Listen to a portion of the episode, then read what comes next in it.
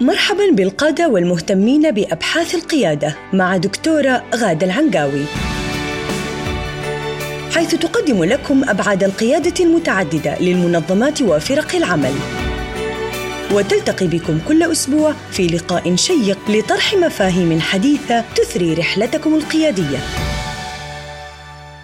مستمعينا الكرام في كل مكان السلام عليكم ورحمة الله وبركاته. وحياكم الله في حلقة جديدة من بودكاست القيادة مع الدكتورة غادة طلال العنقاوي المتخصصة من أكثر من 20 عام في القيادة بجميع مستوياتها من خلال أبحاثها في الدكتوراه وبخاصة في مجالي السلوك القيادي الفعال والتربية والتعليم. حياك الله دكتورة. أهلا وسهلا عبد العزيز حياك الله. أهلا وسهلا. دكتورة في الحلقة السابقة تحدثنا عن الممكن الأول وهو الهيكل المناسب للفريق. نعم. وفي نهاية الحلقة أخذنا شوي الوقت فما استطعنا أن آه، يعني نشرح الهيكل. ف في هذه الحلقة ودنا شوي نكمل في نعم. آه، شرح الممكن الأول اللي هو الهيكل المناسب. نعم. دكتورة كمدخل الحلقة ما هي عناصر الهيكل المناسب للفريق؟ نعم. يعني الهيكل المناسب هو توصيف وظيفي داخل الفريق يسمح لكل عضو من أعضاء الفريق أن يقوم بمهمته بالتعاون مع الشخص الآخر. لا تنسى إحنا ما إحنا في مجموعة عمل ولا مجموعة من الناس جالسين في غرفة وكل واحد شغال على مشروع. إحنا فريق عمل.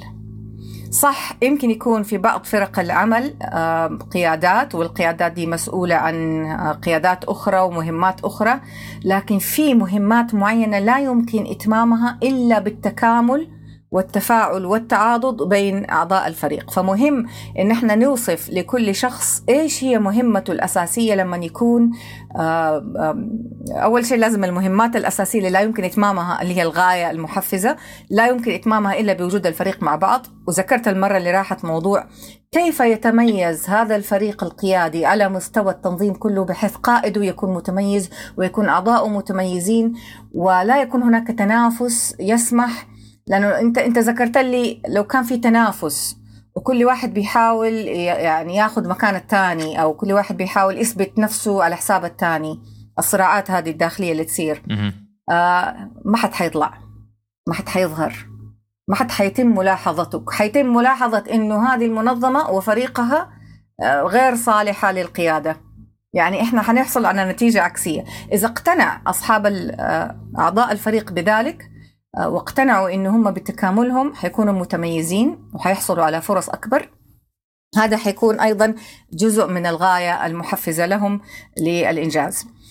طيب لابد أن يكون هناك مجموعة من المهمات والغايات المحفزة ولابد أن يتم توصيف وظيفة كل عضو في الفريق بما يتناسب مع أفضل مقدراته وإمكاناته وبما يسمح للآخرين بالتفاعل معه والتكامل.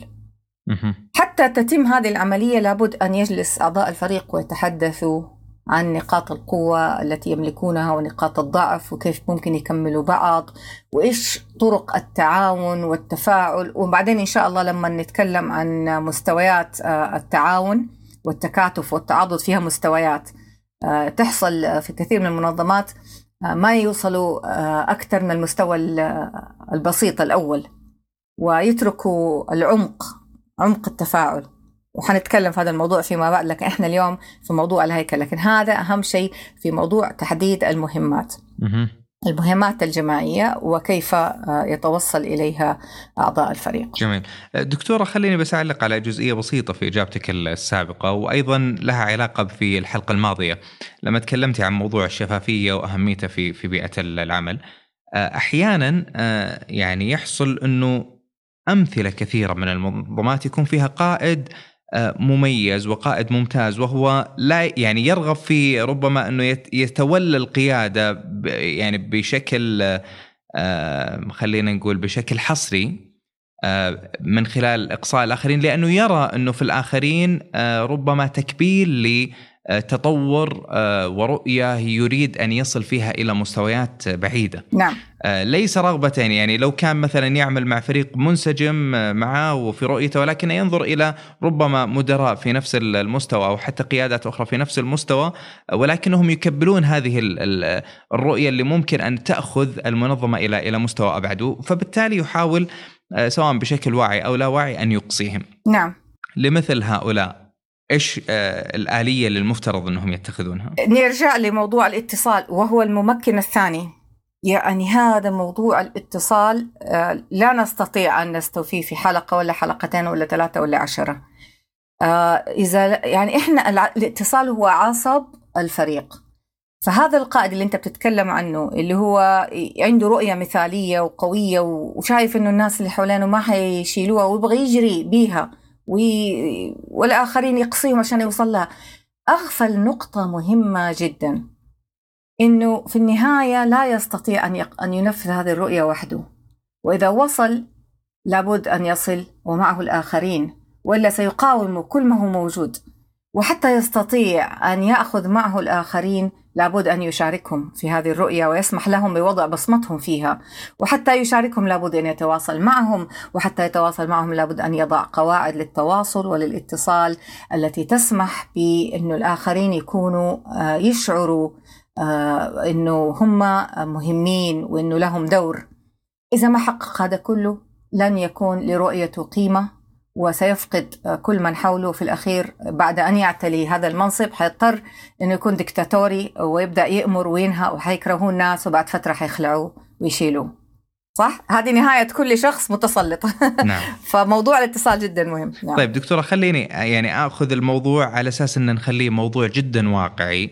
آه ويمكن بعض المستمعين كلامك جميل وربما يقولون إنه جميل ولكنه يبقى في الإطار التنظيري، أحيانا يكون القائد من حول من الناس يؤمنون برؤيته في المنظمة وربما أيضا من القادة الآخرين يؤمنون ولكن تجدين أحيانا في ذات المنظمة إذا افترضنا آه، أنه فيها عدد من القادة ورأوا والله أحد القادة فعلا بدأ يتميز ويبرز نجمة سيكون هناك من يدعمه؟ وسيكون هناك من يقاومه آه، لغرض مقاومة التغيير لغرض خلينا نقول المدرسة القديمة أو مثل ما يقال الأولد آرمي هذا اللي هو الحرس القديم. فبالتالي سنة الحياة أن يكون هناك من يقاوم ومن يرفض هذا التغيير وهذا التجديد. نعم. وحتى لو تم الاتصال وتم التواصل المثالي على أعلى مستوياته سيظل يقول لا. كيف نتعامل مع هذه العينات؟ عشان كده إحنا نتكلم عن فرق العمل لأنه من غير فرق عمل قيادية لا يستطيع القائد صاحب الرؤية المثالية النيو كاريزمي أن يتحرك للأمام لأنه حيضيع في وسط المنظمة ناس حترفع يدها وتقول إحنا معاك وناس حتقول له إحنا ضدك وهو ما عمل الشغل الأساسي الداخلي اللي يسمح لفريق العمل تبعه اللي هو قائد القادة إنه يكون بالقوة التي تدعمه للوصول لابد أن يكون مجموعة من الناس معه وهدول المجموعة يكونوا مجموعات وبالتالي يكون له آه يكون له هرم في المنظمة آه يوقف ورا ظهره ويوصله. ومو بيوصلوا ب يعني كده بس مجاملة لا مؤمنين به. وحتى يصل إلى هذا الهرم لابد أن يستثمر في الفريق. موضوع الاتصال جدا مهم. أنا أبغى أرجع آه، لموضوع الفريق القادة القائد القادة اللي تكلمنا عنه في المرة اللي راحت عشان آه، يتضح موضوع الاتصال وأهميته لأنه حنمضي فيه بعض الوقت. نعم حنمضي في هذه الحلقة والحلقة القادمة. آه، فريقنا السابق كان مثالي الحجم. آه إحنا نسينا نتكلم كمان عن موضوع الحجم. الحجم المثالي للفريق عادة ما يكون ما بين خمسة إلى سبعة أشخاص. إذا زاد العدد نسمح ب 10 إلى 12 أكثر من كده الاتصال حيتعقد. برضو نرجع لموضوع الاتصال. تذكر لما تكلمنا عن آه، العلاقات وكيف إنه لما يكون في رجل وزوجته يكون العلاقة آه اثنين. لي مني لك ولك مني. ولما يتولد طفل تصير العلاقة كم؟ تذكر هذا الكلام؟ آه، تتضاعف العلاقة. لا تت... ما ت... يعني ما تزيد برقم واحد على طول. لا تكون علاقات عديدة ثلاثة. متعددة. أيوه ثلاثة في ثلاثة. على طول تضربها في ثلاثة في نفسها. ثلاثة توصل تسعة نعم. فيصبح عندك تسع علاقات. وإذا وإنت كأسرة لوحدكم مع بعض هذه علاقة صاروا عشرة. ولما تخرجوا للعالم الخارجي في كل أسرة من أسركم الممتدة بيكون في علاقة فتضيف العلاقة هذه على العلاقات الثلاثة الموجودة. مم. وتتعقد. فأنت لما يكون عندك خمسة وهو العدد المثالي أعضاء فريق آه، بسهولة يمكن إدارة الحوار والاتصال بين هؤلاء والعلاقات والتعاون والكولابوريشن. ولما يزيد العدد آه، تصبح جدا مزعجة وصعبة. ولكن بعض المنظمات اللي آه، يكون فيها فرق عمل قيادية ضخمة يضطروا أنهم يكونوا 10 أو 12 شخص. وإذا زادوا عن كده نقول لهم لو سمحتوا انقسموا حتى نقدر. نتعامل معاكم. يعني من النادر جدا ما نستطيع أن نعمل توجيه فرق عمل على مستوى 25 شخص. يا أخي هدول 25 هل هم أساسيين ولا لا؟ ولذلك تجدنا دائما نسأل هذا السؤال أول ما نطب في فريق. الفريق هذا تكون على أي أساس؟ ومين مهم ومين ما هو مهم؟ وتذكر تكلمنا عن ال human resources وهل هم مهمين أو ليسوا مهمين؟ وهل هل نخليهم ولا ما نخليهم؟ هذه كلها أسئلة نطرحها آه، من البداية. طيب. آه، لأنه ال- العدد ممكن. وزيادة العدد معيق. طيب. آه نرجع لموضوع الاتصال. فكان فريقي هذا قائد ال- القادة آه مكون من أربع أشخاص. ثلاثة آه يعني مدراء مدراء directors والقائد الأعلى اللي هو ال VP ال vice president واختلفوا في إضافة ال human resources. نضيفها ولا ما نضيفها؟ كانت سيدة. قال بعضهم بصراحة توقف معانا أحيانا يعني هذا الكلام بيني وبين كل شخص. شخص قال توقف معي أحيانا مواقف أنا أحس إني زعلان منها. أكون أنا معايا الحق وهي توقف مع الموظف. طبعا هي human resources 250 شخص. هي مسؤولة عن ال 250 شخص هدول عن صحتهم نفسياتهم رواتبهم ماتوا عاشوا تضاربوا مع بعض اختلفوا صار بينهم وبين رؤسائهم مشاكل هذه كلها مسؤوليتها هي. طبعا غير كده طبعا التعيين والأشياء دي كلها اللي أنت عارفها. فشخص. قال لا ما ندخلها خلاص إحنا إحنا مسؤولين عن استراتيجيه المنظمة وهي ما لها شغل هي لها شغل بس بال human resource وشخص آخر قال بس هي استراتيجية ال human resources كلها عندها فمن المهم إنها تكون موجودة معنا. في الأخير طبعا بعد الاختلاف لمدة كم أسبوع قبل ما نلتقي قالوا أه- حنرجع لل VP اللي هو ال vice president حق ال human resources في المنظمة كلها. لما رجعوا لل vice president قال لا لازم تكون موجودة ولازم يعني بغض النظر عن الخلافات اللي بينكم لازم تتعاونوا معها كفريق عمل. فوجودها كان شوية critical لأنه الاتصال معها ما كان آه، صافي. بينها وبين باقي القادة المهم كان هذا أهم آه، نقطة كانت من من ناحية الحجم فصار عددنا كم؟ خمسة. وجيت أنا عشان أعمل لهم coaching أنا رقم ستة فأصبحنا ستة الآن العلاقات أصبحت معقدة نعم. فخلصنا من الحجم دخلنا في الاتصال في أول لقاء. آه، يعني جلسنا فيه سألتهم سؤال آه، إحنا أنا كنت أقسم لقاءات الكوتشنج آه، اللقاء الواحد إلى إلى كذا موضوع. وأبدأ بالمواضيع اللي تخليهم يدخلوا في في الجلسة وهم يسترخوا كده ومرتاحين ونفوسهم حلوة مبسوطين ويتركوا وراهم أعمالهم لأنه إحنا الآن في مساحة الفريق ال- توجيه الفريق لازم نكون يعني مركزين مع بعض وأعلمهم كيف يتفاعلوا مع بعض بشكل صحيح. قالوا إحنا نبغى ثلاثة أشياء مهمة في الاتصال. نبغى نكون أكثر تواصلا مع بعض better connections أو أفضل اتصال ونبغى يكون بيننا better freedom and trust آه، حرية وثقة وربطوا الاثنين ببعض الحرية والثقة. فيما يبدو لي أنه لما أذكر الحرية كان لها علاقة بمقدرتي أني أنا أقول لك أي شيء مهم. وأثق إنه أنت حتحفظ سري أو ما حتستخدمه ضدي. طيب فربطوا الاثنين في بعض. والثالثة آه نسيت جميل. الثالثة. أظن لها علاقة بأكثر تفهما. كيف نفهم بعض أكثر؟ وهذا الكلام طلع من قادة عايشين مع بعض لهم فترة طويلة. مم. فوضعوا ثلاثة أشياء مهمة اعتبروها قيم الاتصال في هذا الفريق. طبعا آه، كثير من الأحيان آه، هذه القيم تكون مثالية. ولما تدخل تجري الحوار مع أعضاء الفريق يبدأوا إيش؟ تظهر الخلافات فيما بينهم. فاللقاء الأول كان حلو واللقاء الثاني كان جميل ودخلنا في اللقاء الثالث وحدث موقف في الاتصال في نهاية اللقاء في العشر دقائق الأخيرة. وجماعة زي كده ما تقدر تجلسهم أكثر من دقيقة واحدة لأنه عندهم اجتماعات بعد كده وكل واحد عنده مهماته. فحدث نوع من الخلل في الاتصال في العشر دقائق الأخيرة. قطع الاتصال بين جميع أعضاء الفريق. صار موقف من أحد الموجودين مع القائد قدامي أمامي. وفجأة ممكن تشاركين الموقف دكتورة؟ يعني حتى والله أنا حتكلم عنه في المرة الجاية بالتفصيل لأنه إحنا الوقت شوية دحين مو مسعفنا. طيب. لكن اللي أبغى أقوله إنه الاتصال مهما حاولت إنك تعمله مثالي لن يكون مثالي. دائما حيكون في سبب آه، يخليك آه، تتراجع آه، لأنه تدخل فيه المشاعر. المشاعر هذه جزء كبير من العملية القيادية ولعلنا يمكن كمان نتكلم عنها في يوم آخر. لكن اللي أبغى أقوله اليوم إنه لا يوجد مشكلة في الاتصال لا يمكن حلها ولا يوجد طريق مسدود.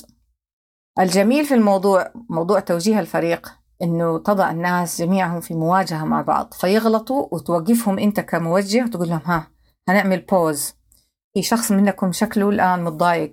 أو أنا ملاحظة إنه الكلمة دي اللي انقالت ما كان أثرها يعني استقبلوا الجميع فيبتسموا. ويطلع الشخص اللي هو كان متضايق يقول إيوه فعلا أنا يعني ما كانت عجبتني الكلمة دي وحسيت بكذا. وعلى طول يرمي لك هي قدامك والثالث يقول له أنا كمان حسيت إنك أنت كنت متضايق. وهذول قادة. والرابع يقول له أنا يعني كنت أتوقع إن إحنا نتعامل مع الموضوع بطريقة مختلفة. وفجأة يبدأوا يتكلموا ويتواصلوا بشفافية. في مكان آمن لأنه عارفين إني أنا أقدر كموجه إني أوجدهم في هذا المكان وأحيطهم وأحتويهم بمهاراتي من غير ما يكونوا من غير ما يوصلوا إلى النزاع. جميل. والنزاع أحد أيضا المواضيع التي نتناقش فيها ما هي طرق حل النزاع في الفريق لو حدث نزاع من الممكنات؟ لازم نخصص جلسة كاملة ماذا نفعل إذا واحد زعل إذا واحد عنده مشكلة إذا واحد مضغوط إذا واحد حس إنه انجرحت مشاعره؟ وهذه كلها القواعد والقوانين قوانين الاتصال اللي نضعها آه، تكتب ويتفقوا عليها ويتسمى المكتوب هذا يتسمى charter communication charter خاص بالفريق. لا يقتصر فقط على الاتصال الشفهي وإنما يتضمن الشفهي والكتابي والاجتماعات والإيميلات والاتصال الغير منطوق. يعني أنا لما أكون ساكت ماذا يعني سكوتي للآخرين؟ وإذا أنا آه، انسحبت وما رديت على الإيميل ماذا يعني عدم ردي؟ ومتى تلاقوني ومتى ما تلاقوني؟ وماذا يحدث في حياتي الخاصة مما يمنعني من التواصل مع الفريق؟ لازم يصير فهم كامل لموضوع الاتصال. ما نعدي هذا الممكن إلا وإحنا تمكنا منه. ولعلي آه، أذكر فريق آخر أقل قوة من هذا الفريق أقل قيادة على مستوى supervisor و manager هذول كان عددهم كبير. كان عندي ثمانية supervisors واثنين managers و one director في هذا الفريق. ال director هو اللي بدأ. قال أنا أبغى فريق العمل حقي يجلسوا مع بعض ويحلوا مشاكلهم مع بعض لأني أنا حاسس إنه هم مجموعات. كل managers معاه ال supervisors حقونه في جهة وال manager الثاني مع ال supervisor الثاني في جهة. وأنا حاسس إني أنا جالس أحل مشاكل بين عصابتين. وهذه تحصل زي ما أنت ذكرت. وكل supervisor عنده front line ما يزيد عن 10 إلى 15 شخص منظمة بكاملها. بس بس مو مو مع ال VP هذول لوحدهم. فهنا كانت في مشاكل عظيمة. نعم. والله لأنه أنت تعرف لما القيادة تكون في المستوى اللي تحت سوبرفايزرز هذول دوبهم دوبهم صاروا قادة. بعضهم له قائد فترة أطول من الثاني. مو كلهم بالمستوى اللي نتوقعه من من القيادة الذاتية. بعضهم عنده مشاكل في التحرر. أفكاره تسيطر عليه انفعالاته سوء ظن مشاكل داخلية. فتنعكس على اتصاله بالآخرين اللي هم ال peers ال supervisors الثانيين والمدير تبعه. وبعضهم تم تعيينه في هذا الفريق لأنه وظيفة انفتحت ودخل. ولما دخل ما ما الفريق ما أعاد ترتيب نفسه. نعم. ما أعطى وقت كافي إنه يتصل ببعض عشان يعيد إحنا إحنا نقول إعادة تكوين الفريق. الفريق موجود ودخل شخص جديد طبيعي. لابد من إعادة التكوين.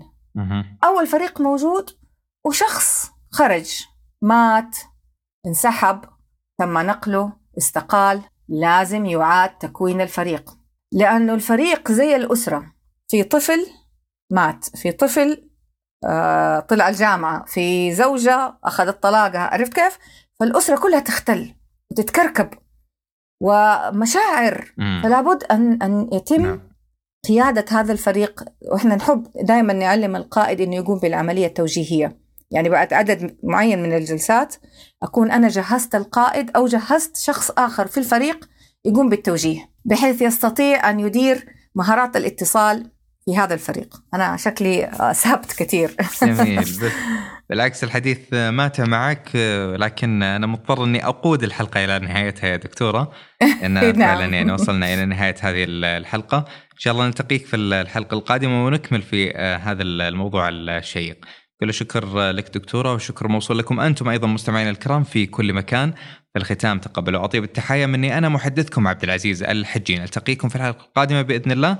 إلى ذلك الحين دمتم في رعاية الله وحفظه وإلى اللقاء. استمعتم للدكتورة غادة العنقاوي تتحدث عن قيادة المنظمات وفرق العمل في بودكاست القيادة. إلى أن نلقاكم مجدداً.